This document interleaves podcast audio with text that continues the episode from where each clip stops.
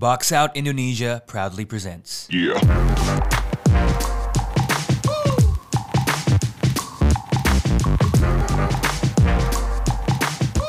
Oke, kita lanjut ke tim ketiga tanpa pakai basa-basi lagi. Kita ke Miami Heat.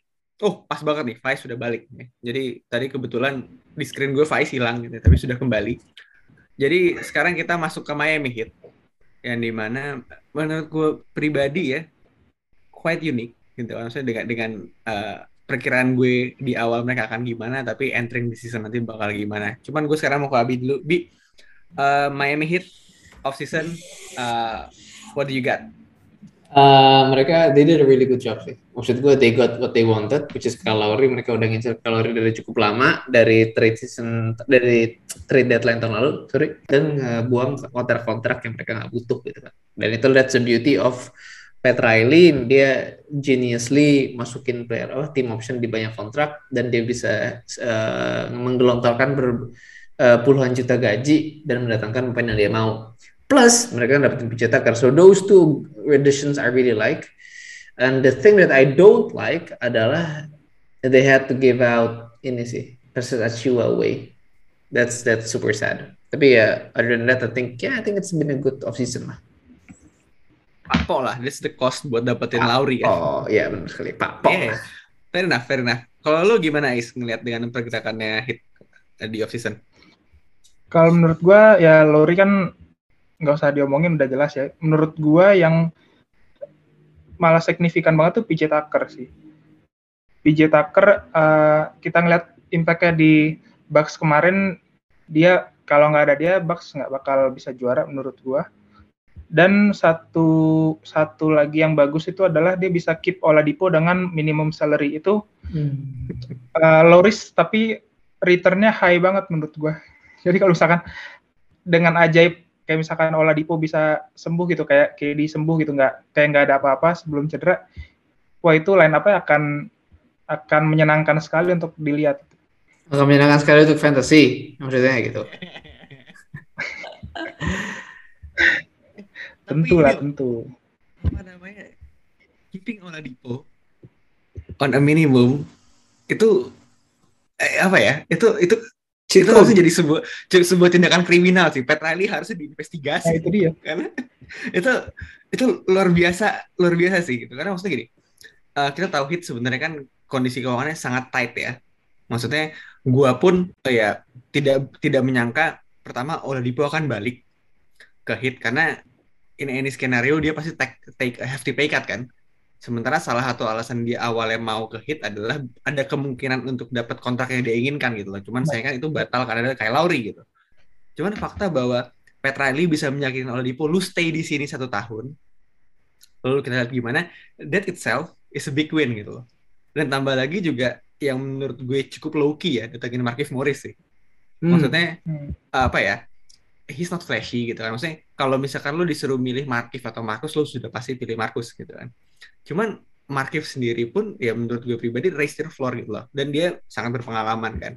He's an, an NBA champion jangan lupa gitu ya. Dan maksudnya adalah uh, ngeliat gimana hit season lalu dan juga season uh, pada saat kalah dari Lakers di finals kan isunya again lack of depth gitu loh. Ngeliat gimana rosternya hit sekarang gitu loh.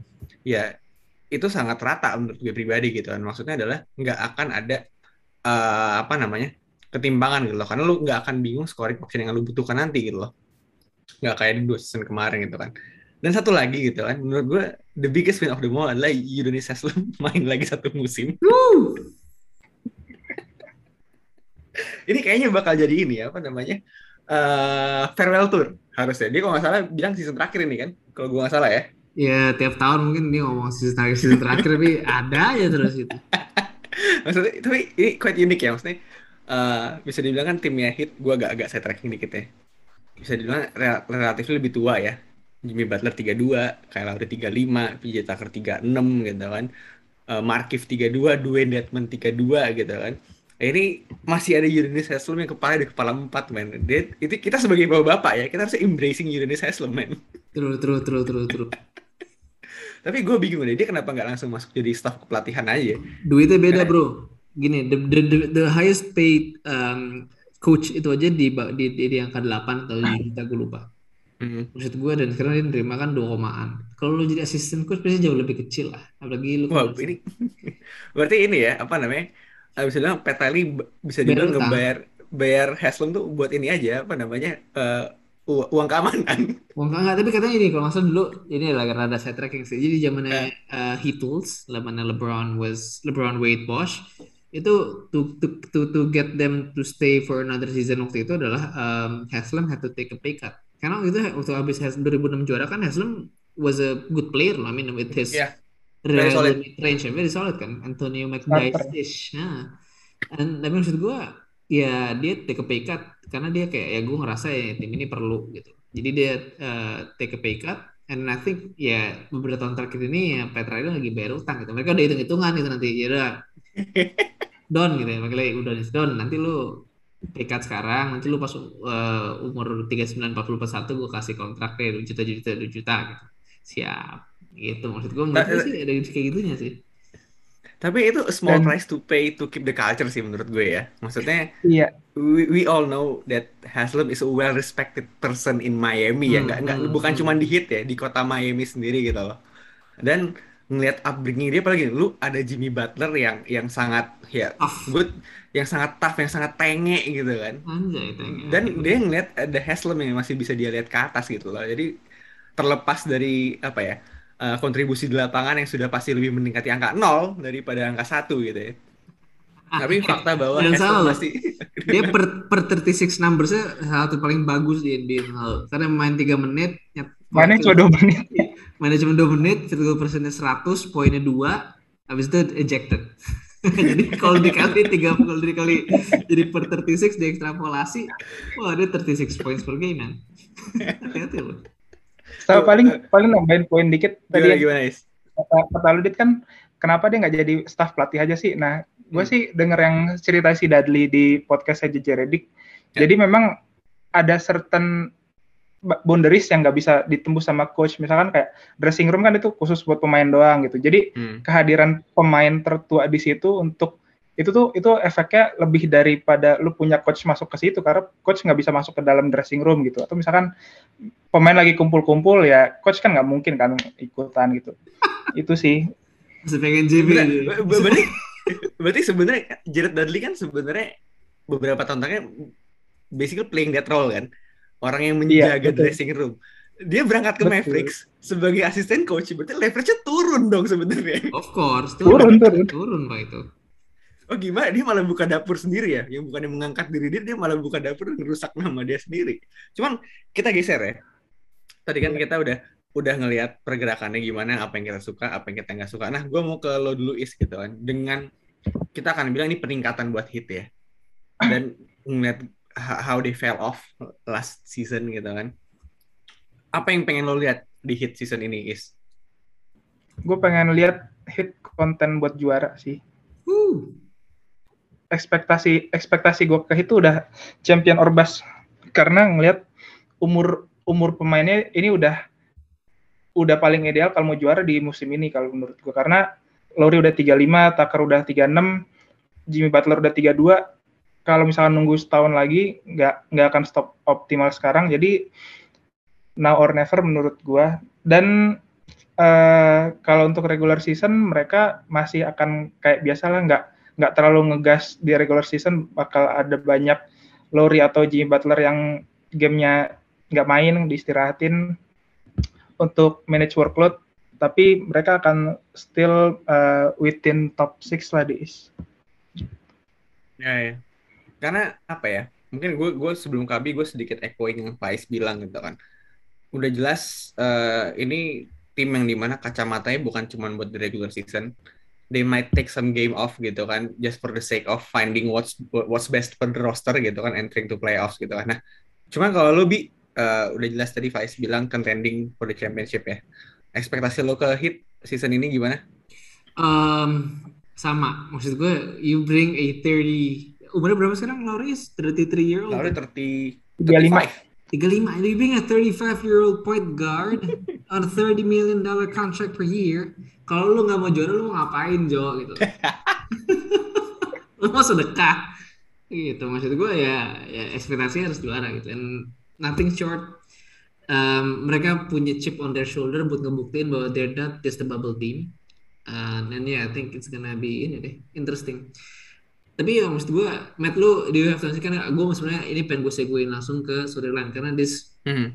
will be kind of ya biar gue sekalian langsung aja. Tapi Boleh, boleh. even though my our, our expectations mungkin the whole world's uh, the whole NBA Twitter the whole NBA Instagram semua orang yang nonton NBA expect bahwa Miami Heat harus contend they will fail miserably sih karena there's one thing yang gue ngeliat mereka nggak bisa dapetin itu adalah offensive consistency yang ketika Jimmy dan Bam harus keluar Oladipo tuh nggak seefisien itu untuk jadi lead guard and gue I don't I don't see Tyler Hero being that man being that player. Ah, So yeah, basically the second unit is a huge drop off ketika nggak ada Jimmy atau Bam gitu.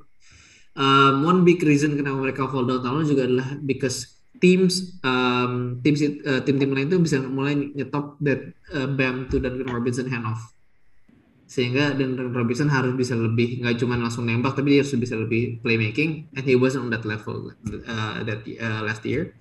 Dan I don't see him making that leap karena again uh, even they have Kyle Lowry dan kawan-kawan mereka bisa stagger the minutes but yeah I, I just I just don't see them being able to take the punches from ini from the Brooklyn Nets atau bahkan the Milwaukee Bucks gitu with a healthy roster. So yeah man I think yeah the storyline is gonna be ya through the regular season oke kita akan ngasih mereka uh, pengecualian kalau mereka kalah atau kalau mereka istirahat kalau apa. Because they're off season uh, playoffs or they're, they are the postseason team but in the postseason yeah I think they will they will just hit that Brooklyn atau hit that Philly not Philly Brooklyn or hit that uh, uh, Milwaukee wall yang mereka sulit tembus gue sebelum ke Faiz ya, karena gue ada apa ya pemikiran sedikit sama gitu loh. Maksudnya entah kenapa menurut gue pribadi ya kedatangan Kyle Lowry ke Heat itu overhype gitu loh. Maksudnya nothing against Kyle Lowry gitu ya. Maksudnya lu lu kalau nggak suka Kyle Lowry aneh lah pokoknya. Maksudnya di umur dia gitu kan, you you don't give a 35 year old that that kind of contract gitu loh. Maksudnya adalah ya too much of a risk gitu kan. Dan tambah lagi gitu ya kalau misalnya kita mau dig deeper dengan apa yang akan lalu dibawa ke hit gitu kan. Ya lu udah, tadi udah bilang kan hit need that firepower gitu kan. Karena ternyata Butler nggak cukup Bam nggak cukup gitu kan. Apalagi kalau misalkan lo masukin Tyler Hero dan Duncan Robinson itu di equation gitu kan. Hmm. dan ternyata juga Oladipo pun sejauh ini tidak memberikan itu gitu loh. Maksud gue adalah basically lo datangin Kyle Lowry tidak menyelesaikan masalah gitu kan. Meskipun ini dari kacamata kita yang mungkin ya we'll never know what Pat Riley has gitu kan in his mind gitu kan. Kenapa dia sangat sekekeh itu datangin Lowry at the cost of precious ya. Itu gue gue apa namanya dalam konteks Lowry setua itu lu mau ngasih precious tuh agak disayangkan gitu kan. Karena gini eh, ke- ke- ke- jadi gue kemarin jadi kayak kan Nggak bisa lagi. Jadi kemarin di season dua season kemarin gitu kan, lu punya Goran Dragic. Maksudnya akan ada poin yang di mana uh, formnya dia balik dan bisa carry the game gitu kan. Maksudnya baik dia bermain di second unit ataupun jadi that second or third option di first unit gitu kan. Tapi ketika Goran Dragic nggak ada, dan Hmm. datengin Kyle Lowry gitu kan gue gue maksudnya gue tidak melihat Kyle Lowry sebagai sosok itu gitu kan yang di mana berarti kan butuh uh, bisa dibilang nih bebannya di Oladipo gitu kan. Jadi gue nggak gue pun tidak yakin mereka akan bisa reaching the finals ya. And not for a bad reason karena lu akan kalah dengan tim-tim yang bagus gitu loh. Gue fully expect mereka akan fell short dari salah satu Nets atau Bucks ya. Entah di entah di face yang mana pun. Karena gue ngeliat hit masih bisa mungkin apa namanya masuk that fifth spot ngalahin fourth seed masuk ke conference semis baru ketemu big dogs di situ kan. Hmm. gue fully expect mereka fell short di situ tapi lu tau lah gue sangat suka dengan underdog story kan. Kalau misalkan hit sampai di titik itu gue pengen mereka ngalahin salah satu Nets atau Bucks gitu kan just for the entertainment purpose gitu loh. Cuman baik lagi gitu kan. Eh, kapasitasnya ada. Maksudnya kalau misalkan mereka sampai conference finals or even finals nggak kaget gitu kan. Karena eh, lu punya Butler on a chip Kyle Lowry on a chip, Victor Oladipo a big fucking chip gitu kan. He wants the chip and the money gitu kan. Jadi Hmm. kayak ya kita bisa fully expect Oladipo exploding, wink wink gitu ya. Gue sedikit menggoreng di sini. Cuman intinya ada intinya adalah eh maksudnya gini, de- dengan pemain-pemain yang jelas motivasinya sangat kuat gitu kan. Dan again lu punya Petra Riley dan Eric Spoelstra, anything can happen right gitu kan. Jadi nggak kaget. Cuman ya sebatas gue ngeliat sekarang adalah ya the furthest they can get adalah fe- fell short gitu kan mungkin kalah di game 6 or even game 7 gitu kan di Eastern Conference Semis Hmm. dari salah satu Nets atau Bucks gitu loh. Dan kalau misalnya memang kalah dari dua itu ya kita nggak kaget kan dan nggak salah gitu loh karena talent wise ya dua itu di atas hit gitu loh. Tapi kalau misal eh apa eh, any worse than that gitu, basically it's a fail project gitu loh. Yang di mana menurut gue pribadi the cost yang Petra Riley kasih gitu kan, it's too big gitu loh. Considering semua ya, maksudnya eh, gue akan spesifik bilang ke Kyle Lowry lah gitu kan, karena uang itu sangat besar gitu. Maksudnya lu bisa lu bisa dapat mungkin kalau misalnya ngomong ngomong kasar gitu ya, lu bisa dapat dua pemain on half his contract yang di mana bisa uh, memperkuat tim lo gitu kan. Cuman ya, we'll never know. Gue akan sangat melihat bagaimana uh, Petra Riley dan Spolstra bisa menyulap tim ini gitu kan. Mungkin salah satu one of the strongest team offensively di East gitu kan. Dengan of- uh, dengan yang mereka punya gitu kan. Menurut gue pribadi ya kalau misalnya tadi kita sempat ngomongin Hornets mungkin bisa neck and neck fire firepower doang ya gitu kan. Karena gue Hmm. ngeliat Hornets lebih eksplosif gitu kan. Tapi again we'll never know gitu. Nah gue tadi ngomong udah cukup banyak nih. Is mungkin yang pengen lo lihat gitu dan ada sedikit storyline lah mungkin kan. Dari uh, hit nanti gimana Is Ya, kalau gue ya mungkin gue agak bias tapi I don't bet against Jimmy Butler karena gue gue ngelihat orang ini kan kayak stat wise tuh kayak apa sih gitu three point biasa, shooting biasa, free throw juga biasa banget masih kisaran 70 70-an. Cuma when it matters most uh, dia elevate gitu. Dan uh, yang kayak gue bilang tadi kan sebenarnya window terbaiknya itu tahun ini dan masih ada satu tahun tahun depan lah paling paling telat banget kalau buat mau championship season. Cuma uh, gue ngeliatnya roster sekarang itu belum selesai sih. Gue berpikir kalau misalkan nanti di setengah perjalanan Tyler Hero nggak step up nih, nggak nggak walaupun udah pasang foto makin berotot atau apa, tapi mainnya nggak makin oke juga. Uh, gua gua nggak akan kaget kalau misalkan Tyler Hero dan Duncan Robinson akan di ship out dari Miami ditukar dengan veteran yang bisa bisa carry buat uh, di second unit gitu. Jadi gua gua expect roster sekarang sama roster nanti setelah trade deadline akan beda banget dan menurut gua uh, Tyler Hero dan Ken Robinson akan akan jadi sebuah harga yang akan dibayar Petra Riley untuk bikin roster lebih kompetitif sih. Karena menurut gua kan kalau dari segi value yang paling valuable di Miami Heat sekarang tuh Bam Adebayo kan. Asal Hmm. Bam masih di keep Jimmy Butler keep dia udah dapat Lowry dan Ken Robinson sama Tyler Hero akan dilepas sih kalau bisa memastikan Heat bisa masuk. Paling nggak conference final itu akan dilakuin sama Petra Riley gitu.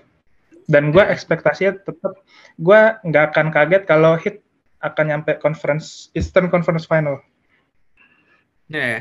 Berarti sebenarnya kurang lebih kita on the same page ya soal hit gitu kan. Maksudnya uh, udah kalau misalkan kita ngomong well coach tidak perlu dibahas lagi Petra Riley, Eric Spoelstra gitu. Dengan tools yang mereka punya gitu kan.